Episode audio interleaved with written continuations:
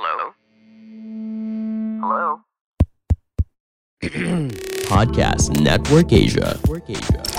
Lisir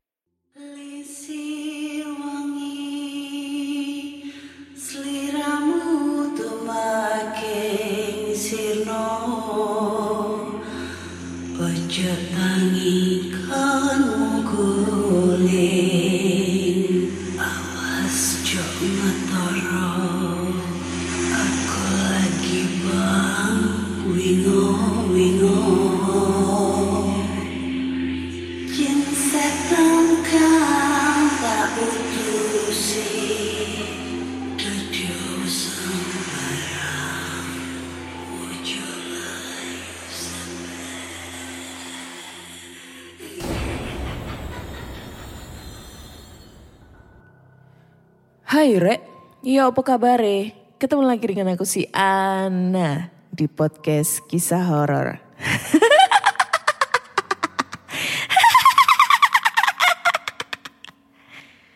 Ketemu lagi di episode 128.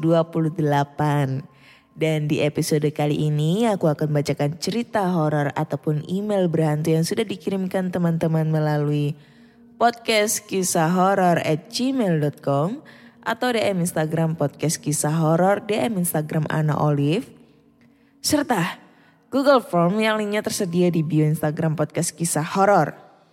Dan podcast kisah horor kali ini bisa langsung didengerin di Spotify, Google Podcast, Apple Podcast, Anchor, atau di Noise. Karena podcast kisah podcast podcast kisah horor sekarang itu udah bisa didengerin di Noise nih. Nah kalau di Noise kan udah langsung bisa dibuat komentar tuh. Kalau misalnya di episode berapa mungkin ceritanya agak gimana, mungkin ceritanya seru atau ceritanya kurang seru. Langsung komentar di eh, episode tersebut. Nah itu. Jadi buat kalian nggak usah terlalu bingung nih mau komentar di mana ini. Kan biasanya bingung nih episode berapa ya yang aku mau komentarin. Eh, harus nge-DM dulu. Nah kalau di Noise bisa langsung drop komentar kalian.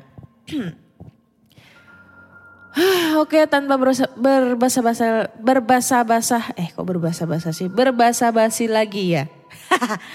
Kita langsung bacakan cerita horor dan cerita pertama datang dari Google Form langsung aja kita bacakan ceritanya di mana ya. Oke cerita pertama judulnya adalah Teror Hantu Sang Dukun. Assalamualaikum warahmatullahi wabarakatuh. Waalaikumsalam warahmatullahi wabarakatuh. Cerita ini ku alami ketika aku pergi ke pesta perkawinan temanku di desa sebelah. Malam itu malam Jumat. Menurut kepercayaan masyarakat di daerahku, kalau kawin malam Jumat, kawin kurang enak banget ya. Kalau menikah di malam Jumat, orang yang menikah itu akan punya banyak rejeki. Aku pun hendak pergi ke pesta perkawinan itu. Pernikahan. Adah, kok gak enak banget ya ngomong perkawinan. Aku pergi ke sana dengan berjalan kaki. Saat di perjalanan kulihat banyak orang yang juga ingin pergi ke sana. Saat melintasi sebuah rumah, aku langsung teringat akan kematian seorang dukun. Kata beberapa tetanggaku, Dukun itu meninggal dikarenakan santet yang ia kirim. Kembali lagi kepadanya. Mayatnya ditemukan dalam keadaan mengenaskan. Tubuhnya sudah sangat membusuk dan belatung sudah menggerogoti sebagian perutnya. Mata mayat itu terbuka lebar menghadap ke atas dengan lidah yang menjulur keluar. Aku sedikit ngeri saat mengingat cerita itu. Kalau ku hitung-hitung sih kematian dukun itu sudah ada dua bulan lebih. Kulihat rumah dukun itu sangat menakutkan. Apalagi tidak adanya penerangan di rumah itu. Ditambah lagi suara burung hantu yang membuat jantung semakin berdebar-debar. Kulangkahkan kaki ini lebih cepat melewati rumah dukun itu. Hingga akhirnya aku sampai di pesta perkawinan temanku. Wah, ternyata ramai juga. Banyak pula gadis-gadis yang lagi duduk sambil ngobrol. Beberapa jam kemudian, satu persatu tamu telah pulang. Tapi aku enggan pulang karena lagi asiknya ngobrol bareng teman-teman. Kulihat jam sudah menunjukkan pukul 12 kurang 5 menit. Udah hampir tengah malam, pikirku. Aku pun pamit untuk pulang. Saat hendak ingin pulang, sebenarnya nyaliku sudah benar-benar ciut. Karena jarak antara pesta dan rumahku yang lumayan jauh. Ditambah lagi aku harus pulang berjalan kaki sendirian. Lengkap sudah penderitaanku. Saat melintas di depan rumah sang dukun tadi, tubuhku merasakan hawa mistis yang sangat kental. Suara bi suara-suara binatang malam membuat diri ini enggan berlama-lama di depan rumah itu. Tiba-tiba dari kejauhan kulihat ada seseorang berdiri di bawah pohon besar yang berada di depan rumah dukun tersebut.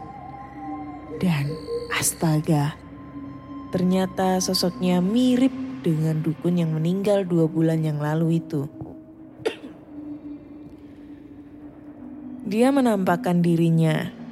Aku berusaha tidak panik. Namun hantu dukun itu terus melihat ke arahku dengan sorot mata yang tajam. Lidahnya menjulur keluar dan air liurnya menetes membuat aku semakin tegang. Segera ku tarik ilmu yang diberikan nenekku dan kutembak dia dengan tenaga dalam. Dor!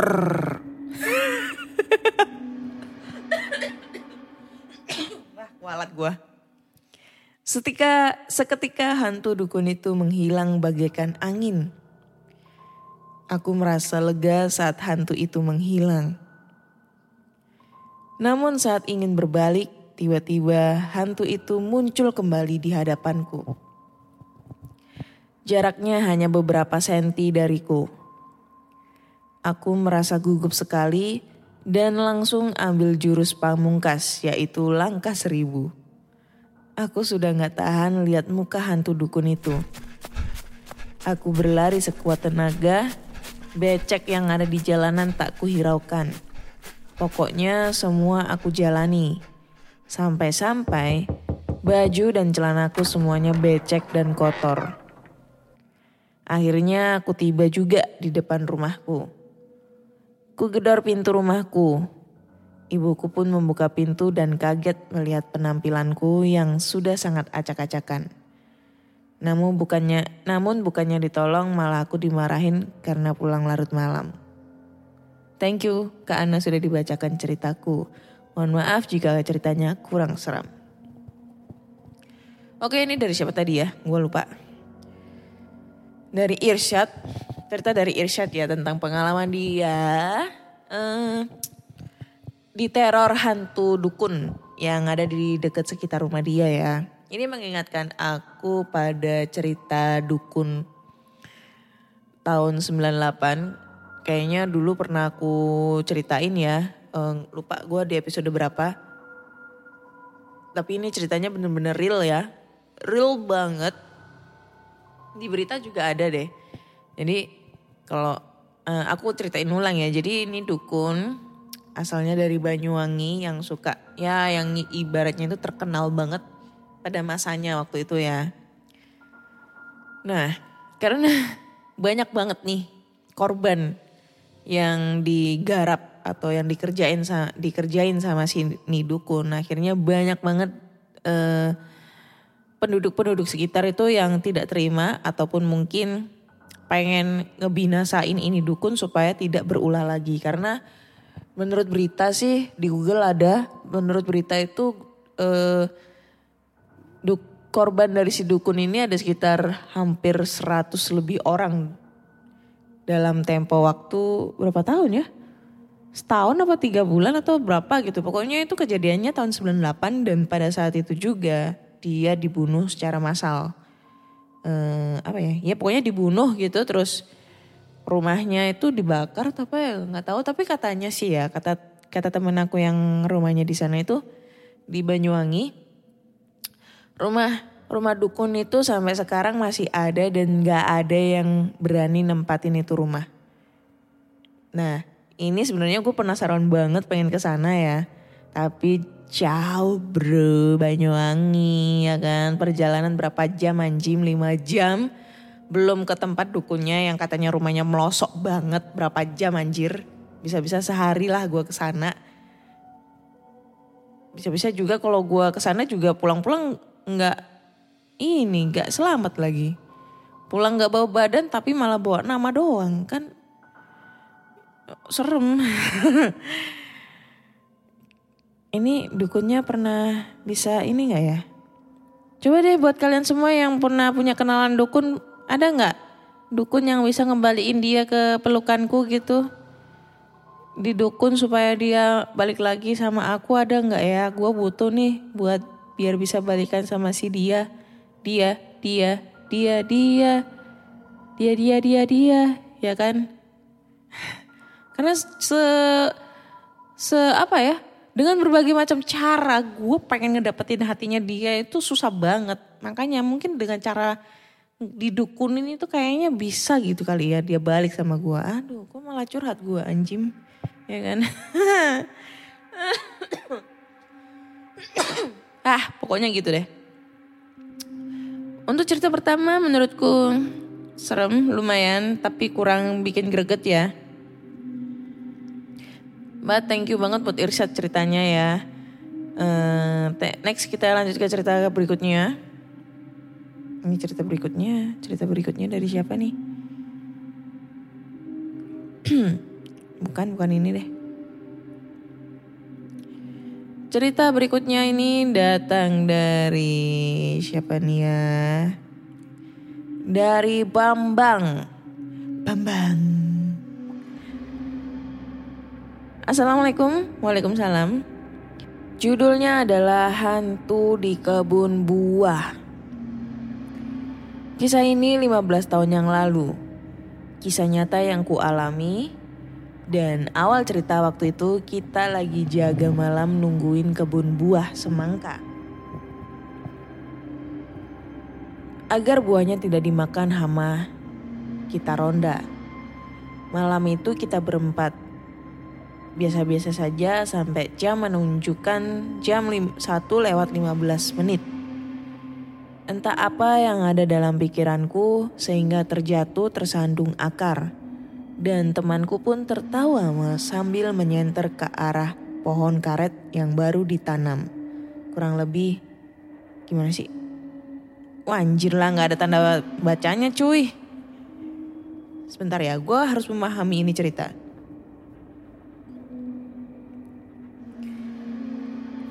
Oke, kurang lebih satu meter, tiba-tiba penerangan kami, lampu senter pun mengedip-ngedip, menjadi redup. Sepintas ada bayangan di depan pohon karet tadi. Kami mencoba mendekatinya dengan perlahan-lahan dan terlihat jelas seperti orang mengintip kami di balik pohon karet itu. Dan temanku memiringkan kepalanya sambil menyenter. Namun kepalanya pun ikut miring dan dicoba miring ke arah lain dia pun ikut juga. Dengan rasa penasaran kami pun mendekatinya. Ia pun ikut mendekati juga. Dan kami mundur, ia pun mengikuti mengikutinya juga.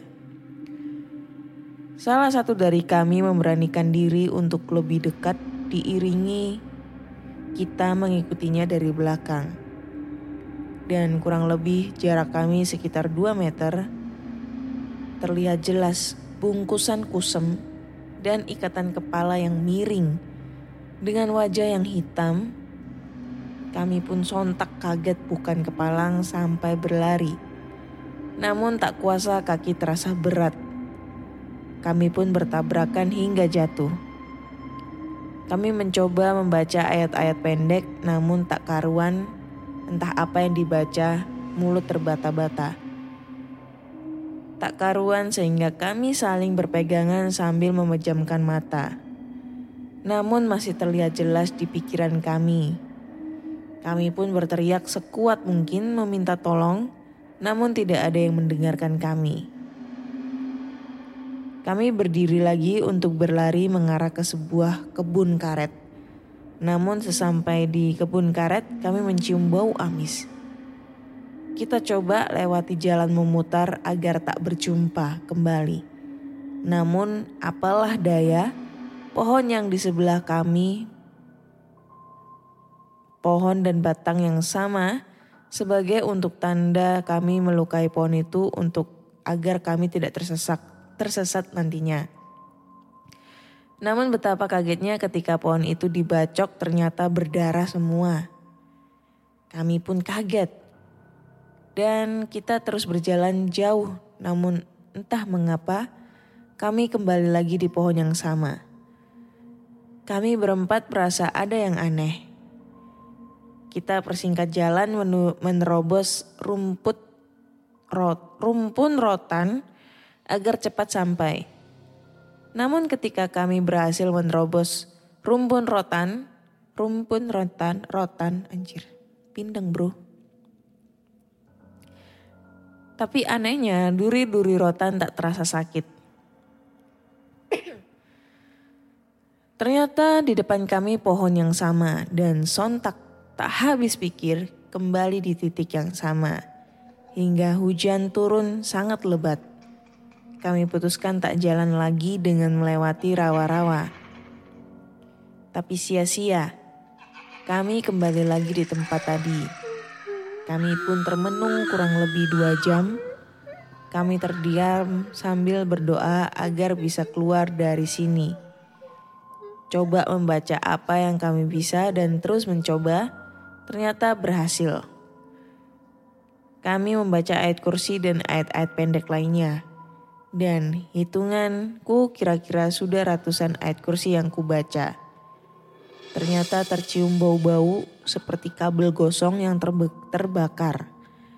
Kami semua menyadarinya. Bau itu diiringi suara berteriak-teriak mengelilingi kami. Namun suara itu samar-samar menghilang dengan rasa gemetar Bercampur takut, muncul kembali tak terasa air mata ini menetes Dalam pikir pikiranku terus berdoa dan hujan pun juga reda. Namun bertambah kagetnya, ternyata ada tujuh pohon seperti pohon lengkuas yang berdaun lebar. Tujuh, seperti orang melambai-lambai dengan rasa takut sambil bertatapan satu sama lain, kami berempat mendekati pohon itu sambil memeganginya agar tidak bergerak-gerak lagi. Namun betapa kagetnya bercampur lega ketika daun itu tidak bergerak lagi, di situlah jalan pulang pun muncul. Entah dari mana serasa seperti rumput yang tadinya rapat seperti membentuk jalan untuk kami lalui. Alhamdulillah ya Allah, kami semua selamat dari kejadian itu dan kami sangat senang. Alhamdulillah hanya itu yang bisa kami ucapkan. Inilah cerita kami, cerita anak desa. Oke, ceritanya selesai bro. Gimana ya? gue pengen komen tapi takut nanti dihujat lagi sama netizen. Ini jujur ya, jujur ya, gue pusing ngebacanya karena satu ceritanya kayak kurang nyambung ya. Sebenarnya ini ceritanya serem, serem banget. Sorry intermezzo ya. Sebenarnya ini ceritanya serem banget sih. Serem kalau kita bisa uh, ngebacanya dengan tenang, ngebacanya dengan nyambung, terus bisa ke bawah alur ceritanya itu bisa apa ya? Bisa ngikutin apa ya? Ibaratnya itu bisa ngerasain seremnya kayak gimana juga gitu loh. Tapi ini gue bacanya agak belibet karena tanda bacanya cuy Sumpah. Bukannya aku ini ngejek ya, mohon maaf nih, mohon maaf. Aku juga menghargai nih teman-teman yang udah kirim cerita ya kan, udah berkontributor sama podcast kisah horor, nyumbangin cerita. Tapi nih, kan saya sudah bilang di awal-awal, ya kan? Saya kalau kirim cerita tidak pernah mereview dulu gitu, mereview dulu ceritanya. Jadi kalau ada orang yang sudah kirim cerita masuk di email atau di Google Form, pas waktu record ya aku bacain waktu itu juga. Jadi gak pernah aku review dulu gitu atau mungkin dibenerin bacaannya atau tulisannya dibenerin. Nah, kenapa alasanku seperti itu? Supaya aku bisa kebawa gitu. Bisa terbawa ceritanya pada saat ngebawain ke kalian semua. Jadi nanti komentarku ya secara natural gitu ya, natural banget. Aku bilang serem ya serem, aku bilang gak serem ya gak serem, aku bilang pusing ya pusing gitu ya. Halu ya halu gitu. Jadi gak ada yang aku tambah-tambahin atau aku kurang-kurangin. Kayak gitu. Kalau misalnya aku baca dulu nih, aku review dulu, aku aku baca dulu, terus mungkin ada tanda baca yang nggak pas terus aku benerin terus aku bawain lagi uh, buat episode terbaru buat kalian semua itu kesannya berkurang banget. Apa ya? Rasanya itu kurang banget gitu. Jadi kayak nggak maksimal banget buat aku. Itu guys alasanku kenapa kemarin banyak banget yang ngehujat aku. Karena aku ngatain aku ceritanya halu. Ya aku ngomong apa adanya gitu. Jadi gue komennya apa adanya. Gue bilang halu ya halu. Gue bilang pusing ya pusing. Gue bilang serem ya serem gitu. Dan untuk cerita kedua ini sebenarnya serem. Serem banget. Tapi ya itu tadi sayang banget kalau misalnya penulisannya itu agak bikin kita pusing ngebacainnya. Itu. Next mungkin bisa, waduh Shopee bro. Kaget gue ada Shopee masuk ini. Apaan sih? Wah, jadi uh, kayak apa ya? Mungkin bisa diperbaikin lagi nih teman-teman sebelum kalian kirim ke podcast kisah horor atau mungkin kirim cerita ke podcast horor lainnya. Kalian bisa kayak perbaikin dulu ceritanya biar kita nih si pembawa cerita nggak bingung untuk kebacain cerita kalian gitu ya guys. Oke. Okay. Next ke cerita berikutnya ya. Cerita berikutnya ini datang dari siapa nih? Dari Kuman namanya. Kuman anjir lah. Jadi judulnya adalah kejadian horor di bioskop di Jogja. Halo Kak Ana, ini kejadian udah rada lama banget. Sekitar setengah tahun yang lalu. Ini cerita beneran dan gak bohong. Ini dialamin sama temen kuliah aku sendiri kak. Jadi gini kak. Semua yang tinggal di Jogja pasti tahu kan bioskop Jogja. Bioskop ya, ya tau lah bioskop XX1 lah pastinya. Yang di jalan Solo itu. Nah, itu dulunya kan bekas hero kebakaran dan memakan banyak korban. Terus lama didiemin baru dipakai buat bioskop. Ini kejadian dialami sama temen aku kak. Langsung aja ya kak. Jadi waktu itu kan mereka iseng pengen nonton film di bioskop. Mereka nekat ngambil jam tayang jam 12 malam. Aku kagak tahu tepatnya jam berapa. Tapi yang jelas mereka nonton di kloter terakhir. Gila juga ya mereka. Mereka cuma berempat. Setelah mereka mendapatkan tiket, mereka langsung masuk ke gedung teater. Mereka langsung nyari nomor kursi sesuai ama yang ada di tiket masing-masing. Begitu ketemu, kok kursinya udah didudukin sama orang lain.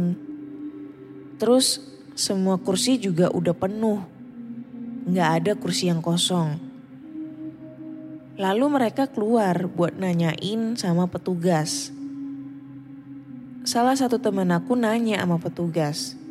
Mas, kok kursinya udah penuh semua? Gimana nih? Petugas pun jawab. Penuh gimana mbak? Orang yang nonton jam sekarang cuma kalian berempat kok. Buset. Terus siapa orang-orang yang di dalam teater empat mas? Kok kursinya udah penuh semua? Petugasnya bilang, oh itu udah biasa mbak kalau malam jam segini emang suka kayak gitu. Tapi kalau gak diganggu mereka juga gak ganggu kok. oh, gimana sih? Tapi kalau nggak diganggu mereka juga nggak ganggu kok. Oh gitu. Mereka cuma bisa diem dan udah gak bisa ngomong apa-apa kak. Mereka langsung kagak jadi nonton. Bisa-bisa malah main film horor beneran. Mereka langsung ngacir pulangnya. Aku juga diceritainnya sampai merinding.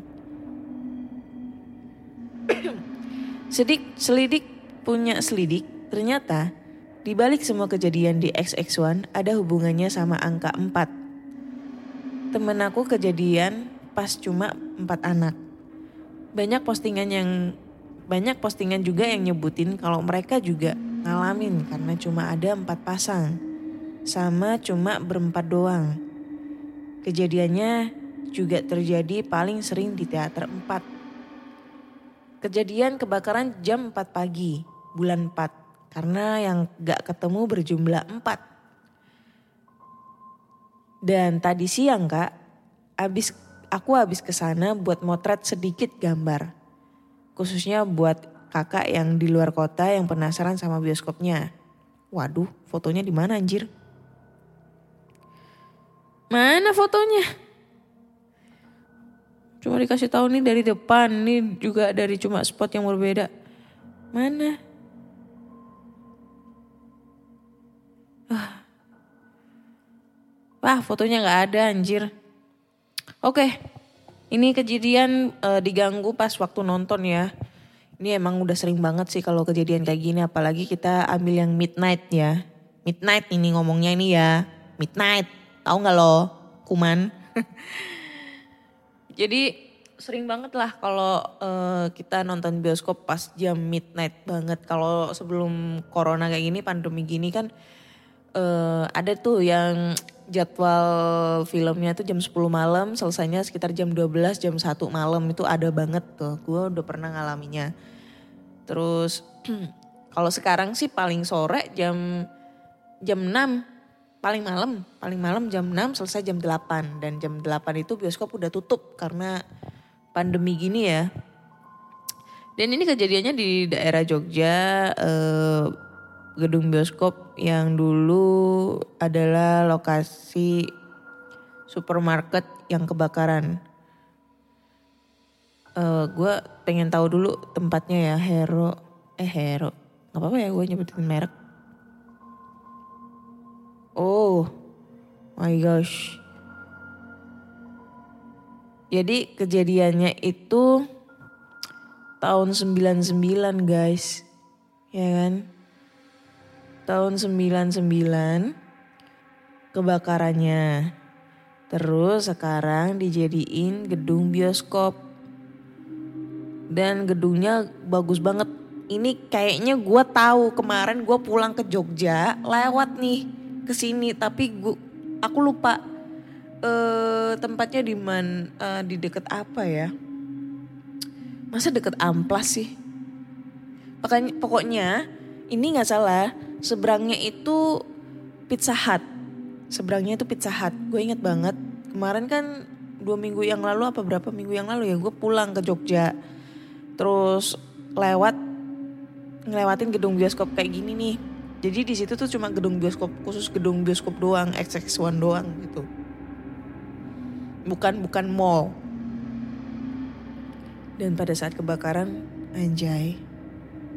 Serem banget, Bro serem banget dan itu emang hmm, apa ya yang kebakaran itu emang gedung bioskop gitu ya gedung bioskop bukan sih coba ya kita kita baca dulu kejadiannya. Ntar aku buka Google. Jadi ini kejadiannya tahun 99 tanggal 23 September. Tahun 99. Ya, se- serem banget sumpah. Nggak tahu sih ini tak kejadiannya tahun berapa. Ya, gue tahu nih lokasinya di mana. Gue tahu. Tapi ya, ya balik lagi ya ke cerita. Gue pernah eh, nonton film. Gak salah itu nonton Conjuring kedua apa pertama ya? Conjuring pertama apa kedua? Gue lupa. Pokoknya film Conjuring. Ya itu kan. Nah, film Conjuring ini kan identik kalau mesti ada orang yang nonton, ada yang kesurupan kayak, ada yang lihat sosok kayak atau apalah. Itu udah terlalu sering banget. Nah, kebetulan waktu itu aku nonton pas midnight karena eh tiket-tiket yang tampilnya sore, siang sampai sore itu habis. Terus kedapetan itu yang midnight mau nggak mau gue nonton dengan alasan tidur nginep di rumah temen gitu kan. Kebagian jam sekitar jam 9 apa setengah 10 malam lah. Terus selesai itu sekitar jam setengah 12an malam. Nah itu loka, aku nonton di bios, bioskop di salah satu mall yang kebetulan mallnya itu adalah bekas rumah sakit. Nah ini kalau kalian pernah kalian orang Surabaya itu pasti tahu itu di mana gitu ya mall apa. Jadi ini mall sebelum didirikan jadi mall dulu adalah rumah sakit yang konon katanya angker pernah terjadi eh, pernah eh, ada kejadian horor yang namanya suster gepeng. Nah itu terus dijadiin mall. nah itu eh gue nonton itu kebetulan pas malam banget berdua sama teman aku cewek ya kan. Habis itu selesai nonton jam setengah 12 malam. Nah kebetulan yang nonton di midnight itu nggak begitu banyak penontonnya ya sekitar ada 20 orang lah. Pas balik itu kan keadaannya kan sudah sepi semua tuh mall-mallnya dan kebetulan bioskopnya kan ada di atas sendiri gedung paling atas gitu. Jadi sepi kita harus ngelewatin lorong-lorong, lobby-lobby mall yang apa namanya sepi-sepi gitu kan yang udah dimatiin lampunya juga gitu. Nah waktu itu kita barengan jalan sama enam orang berpasangan. Berpasangan nih jalannya itu kan eh, ak- aku di baris nomor tiga depan gua ada cowok cewek depannya lagi ada cowok cewek. Kita mau jalan ke area parkir nah kalau kalian pernah tahu kalau kalian tahu kan kalau di lorong itu kan pasti ada toko-toko kan sisi kanan sisi kiri. Nah tokonya itu kan ada yang pakai kaca. Nah di kaca itu banyak banget manekin-manekinnya. Nah ini pas waktu kita jalan ada eh apa namanya? Baris ke yang orang depan kupas ini ya orang tengah depan kupas itu si cewek. Si cewek itu kan sambil ngeliatin manekin eh, sisi-sisi kirinya kan waktu dia jalan dia ngeliatin manekin manekinnya katanya kayak gitu. Jadi dia tuh masih parno gitu kan ngeliat oh iya nonton falak nonton falak. Jadi falaknya waktu itu kan ketemunya pas ada di lukisan. Nah dia itu kayak ngeliatin manekin-manekinnya. Entah dia halu, entah dia itu berimajinasi atau mungkin emang beneran ada setannya. Dia ngeliat kepala manekinnya pada saat dia ngeliat itu kayak dari sisi yang tadinya dilihat sisi kiri, tiba-tiba gerak ikutin dia jalan ke sisi kanan. Dan itu dia langsung ngejerit, berhenti ngejerit sam- sampai keduduk terus nabrak tembok. Uh sampai di situ tuh rame banget dan posisinya tengah malam, keadaan lampunya juga udah mati. Terus ditanyain sama cowoknya, loh lu kenapa? Dia bilang gitu. Itu itu eh, patungnya gerak, kepalanya gerak, kepalanya gerak. Nah pas dicek itu nggak ada apa-apa. Terus abis itu kita tenangin dong, coba tenangin. Gak taunya beberapa saat kemudian dia teriak lagi, teriak lagi, katanya di dalam di dalam eh, toko tersebut dia ngelihat sosok putih-putih kayak ngelambang-ngelambai tangannya gini. Jadi sos- ada sosok putih, terus tangannya kan eh, apa bajunya tuh kan panjang. Jadi dia tuh kayak ngelambai pak tapi bajunya doang, tangannya nggak kelihatan, bajunya doang yang kayak ngelambai gitu. Dia teriak histeris sampai nimbulin nimbulin keributan dan akhirnya dia kesurupan anjir di situ. Beneran gua nggak bohong, gua, dia kesurupan. Tapi pada saat itu gue langsung pergi aja ngacir. Soalnya temanku kan udah nggak berani banget itu. Kita pergi pulang takut kenapa-napa juga kan sama temanku. Kalau gue mah udah kebal gitu kan. Pengen banget kesurupan kayak gimana sih anjir? Kalau teman gue udah ngacir udah takut. Jadinya ya nggak tahu kejela eh, kelanjutannya kayak gimana.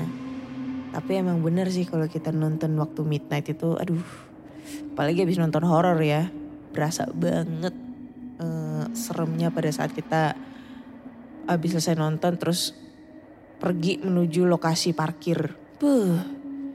Berasa kayak gimana gitu. Oke, kayaknya cukup sekian dulu ya cerita kali ini. Eh, mohon maaf jika di endingnya ini gue ke cerita gak seru banget. So gak apa-apa kali ya buat memperpanjang waktu.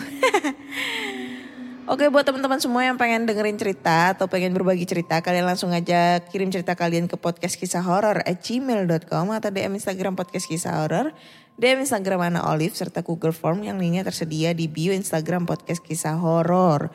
Terus jangan lupa follow Instagram podcast kisah horor agar bisa swipe up gitu kan, agar aku bisa jadi selebgram gitu podcast kisah horor banyak yang endorse endorse gitu kan. Terus jangan lupa nge-follow juga podcast kisah horor di Spotify. Terima kasih sudah mendengarkan podcast kisah horor di episode 127 ya? 28.